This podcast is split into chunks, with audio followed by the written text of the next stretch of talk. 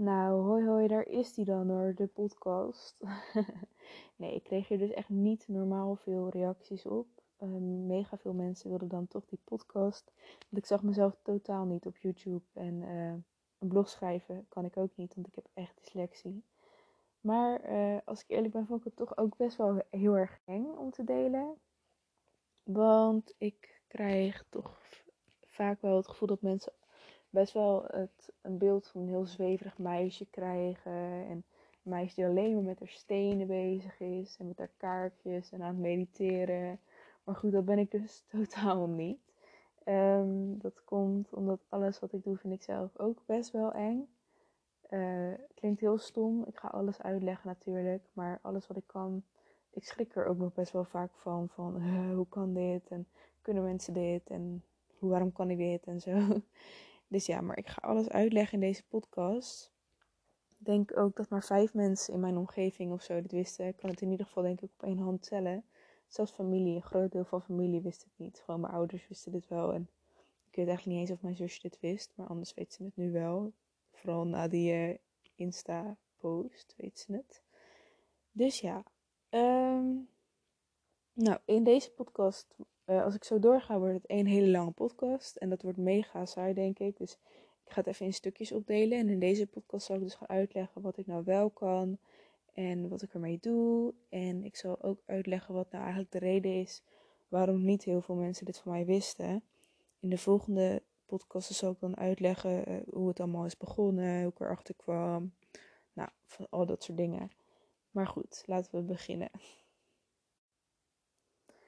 En uh, oké, ik begin eventjes met uitleggen waarom niemand het van mij wist. Dat komt omdat ik, ik was 15, denk ik.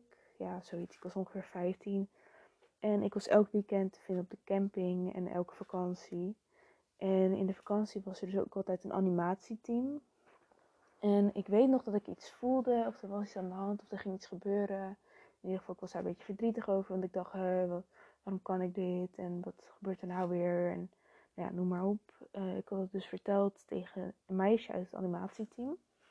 En zij had het toen verteld tegen een soort tweede campingbaas van de camping. Ik weet niet zo goed hoe ik het moet uitleggen, maar iemand die ook de kerk regelde van de camping. Want het was best wel een gelovige camping. Um, en hij nam mij dus mee naar een soort van uh, speelkelder. Wij noemden dat de soos. En daar kon je gewoon een beetje chillen en zo. En hij nam mij mee naar beneden.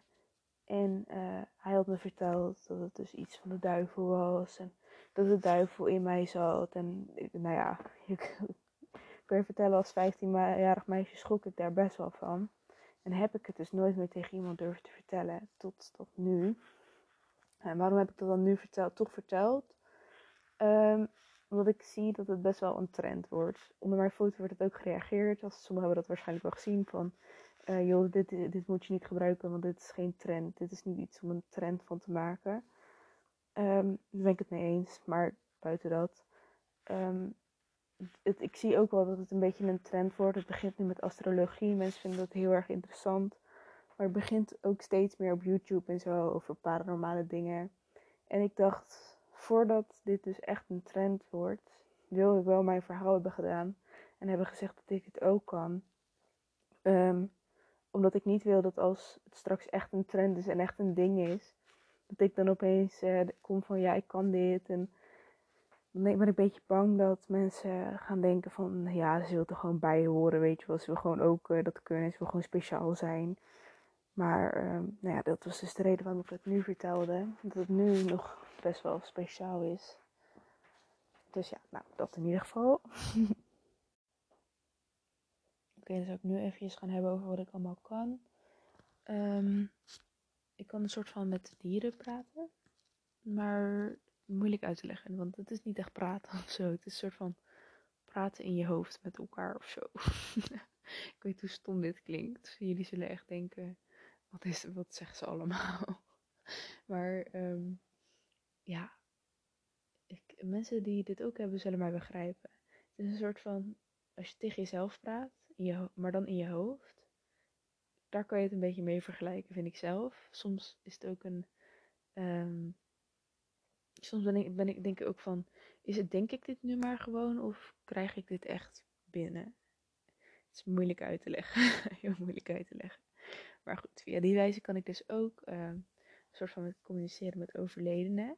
Uh, als mensen aan mij vragen, joh, non, mijn opa is overleden.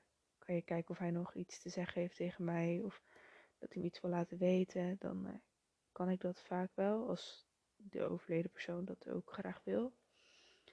Um, verder kan ik, als je mij een foto geeft of een briefje met een naam erop, dan kan ik uh, alles eigenlijk over diegene vertellen. Ik kan vertellen wat zijn hobby's zijn, wat hij leuk vindt, hoe die is. Um, of die, ga, of die zeg maar een groot geheim voor je heeft. Of ja, noem maar op. Dat soort dingen kan ik eigenlijk ook allemaal. Um, op sommige plekken, als ik ergens loop, dan voel ik gewoon van, oh ja, hier is uh, iets gebeurd. En dat kan een ongeluk zijn geweest. Dat kan een, uh, weet ik veel, uh, kan iemand vermoord zijn op die plek. Dat is wel heel overdreven hoor, maar zoiets kan het zijn. Dat voel ik dus ook heel erg. Um, en ook kan ik dus heel erg zien, goed zien of iemand liegt, of iemand verdrietig is, of juist heel erg blij. En of het wel goed gaat met hem thuis, ook in thuissituatie. En um, ja, eigenlijk kan ik best wel veel zien. Uh, als ik het wil. Want ik kan het heel goed uit en aanzetten. Uh, als ik het aanzet, kan ik dat eigenlijk allemaal wel goed zien. Um, ja, ik kan dus ook zien als je liegt. En na een paar extra vraagjes te stellen, weet ik ook gelijk waarover het je liegt en wat het liegt, wat je liegt. Maar vaak laat ik dat het liefst gewoon um, zitten, want ik wil natuurlijk niet dat mensen tegen me liegen. Dus ja, vaak als ik merk van oh je liegt, dan ga ik er eigenlijk niet echt uh, op in of zo. Maar goed, dit zijn dus een beetje de dingetjes die ik kan. Um, en wat ik doe en waarom ik het dus mensen niet heb verteld. Um, ik vind het nog steeds heel moeilijk hoor. Ik betrap mezelf er ook op dat ik de hele tijd uh, uh, zeg. Maar ik weet niet zo goed wat ik nu nog moet zeggen. Ik denk dat dit een beetje deze podcast was. En dat ik in de volgende podcast maar moet gaan uitleggen hoe ik hierachter ben gekomen. En wat ik er nu allemaal mee doe. En nou ja, noem maar op. dus tot zover deze podcast. Joejoe.